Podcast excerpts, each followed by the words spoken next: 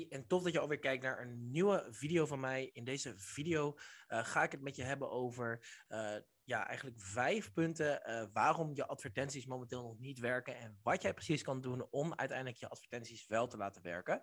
En ik ga je eigenlijk in vijf stappen meenemen hoe ik zelf bij mijn eigen klanten um, dit eigenlijk aanpas. En ik heb eigenlijk ook nog een bonus, dat is eigenlijk de zesde. En uh, die wil ik eigenlijk ook even met je delen, omdat ik denk dat die super belangrijk is. En daardoor ga jij ook betere stappen nemen en betere resultaten zien met je advertenties. Het eerste punt, en als ik naar rechts kijk, dan weet je dat ik uh, een lijstje op aan het doen ben. Maar het eerste punt die ik met je wil bespreken is: je doelgroep voelt zich nog niet momenteel aangesproken genoeg met de boodschap die jij wilt delen. Wat ik daarmee bedoel te zeggen is eigenlijk dat jouw doelgroep die uh, moet natuurlijk reageren op je advertentie, die moet natuurlijk die advertentie zien, die moet natuurlijk die advertentie bekijken. En de mensen die je probeert te bereiken, die moeten zich wel gewoon genoeg aangesproken voelen om uiteindelijk die stap te maken van hey, ik wil een actie ondernemen. Uh, als zij namelijk niet echt zich aangesproken voelen om die actie te ondernemen, dan gaan ze ook niet zichzelf, ja, eigenlijk, uh, ja, dan gaan ze daar niet op klikken, dan gaan ze niet op reageren, dan gaan ze geen actie op ondernemen die jij graag wilt ondernemen. En het komt eigenlijk op neer, dan ben je budget door het toilet heen aan te spoelen, zonder dat je concrete resultaten aan het boeken bent. Nou, dat is punt nummer één. Uh, punt nummer twee is je adverteert met een product of iets waar je markt nog niet klaar voor is of nog niet wat aantrekkelijk genoeg is. En wat ik vaak zie bij ondernemers is dat ze soms nog denken van oké, ik zet een advertentie aan met een aanbod daarin van 200 euro.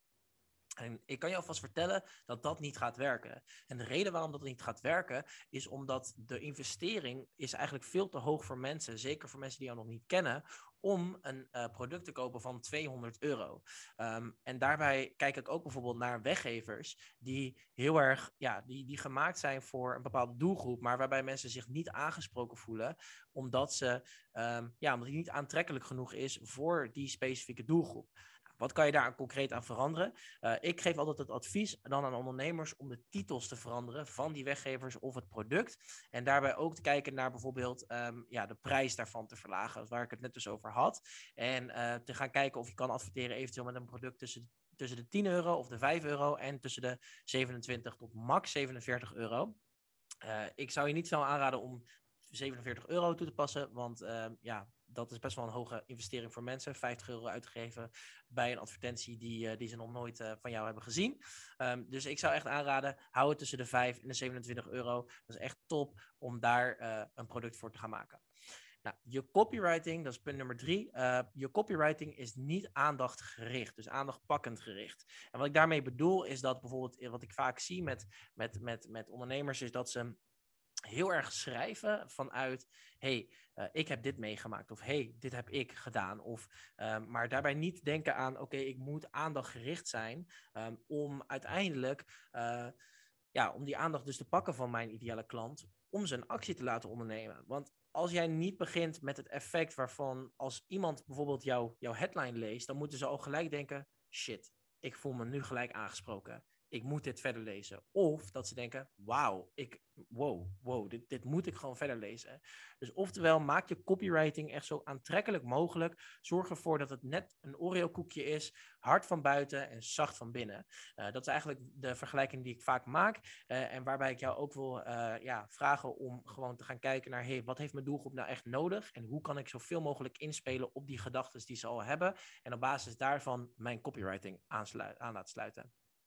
Punt nummer vier is, en dit gaat even inhoudelijk over de targeting. Um, je targeting is niet goed ingesteld op jouw ideale klant of jouw ideale doelgroep. Nu is het wel zo dat Facebook werkt met een algoritme, waarbij je als je meerdere conversies behaalt, gaat het algoritme daar op basis daarvan optimaliseren. Maar ik wil daarbij wel zeggen dat het algoritme, uh, ja, als je de verkeerde targeting geeft aan het algoritme of de verkeerde zoekwoorden, dat het dan voor Facebook best wel lang duurt om die mensen te te vinden. En ik raad je echt super erg aan. Zorg ervoor dat je echte interesses pakt en echte dingen pakt die mensen, uh, uh, ja, die, die, die mensen zich aanspreken of de interesses pakken die um, ja, relevant zijn voor jouw doelgroep. En op basis daarvan stel je de targeting in en wees daar ook niet bang om, uh, om specifiek daarin te zijn. Maar dat is even een inhoudelijk puntje en daar kan ik eventueel later nog wel een andere video over maken.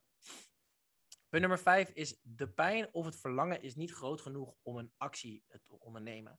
En wat ik daarmee bedoel is, ik had het net ook al op een stukje uh, copywriting, maar uh, de pijn en het verlangen, dat zijn twee punten waar mensen eigenlijk door in beweging komen.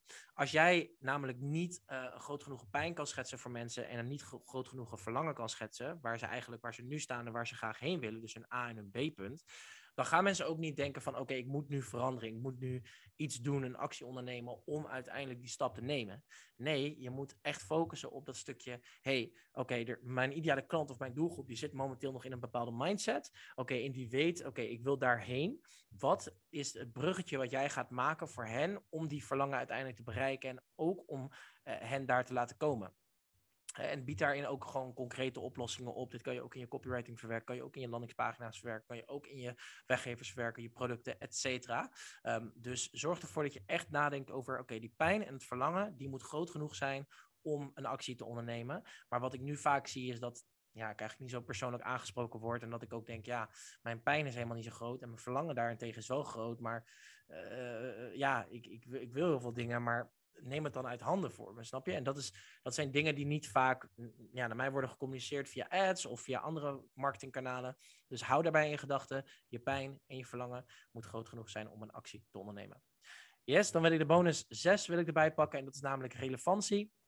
En deze uh, pak ik vaak ook bij ondernemers die denken dat ze heel relevant zijn, terwijl ze eigenlijk niet daar heel relevant uh, in, uh, ja, in een markt eigenlijk zijn. En wat bedoel ik daar nou eigenlijk concreet mee? Is dat het heel erg belangrijk is om voor jou relevant te zijn voor jouw ideale doelgroep.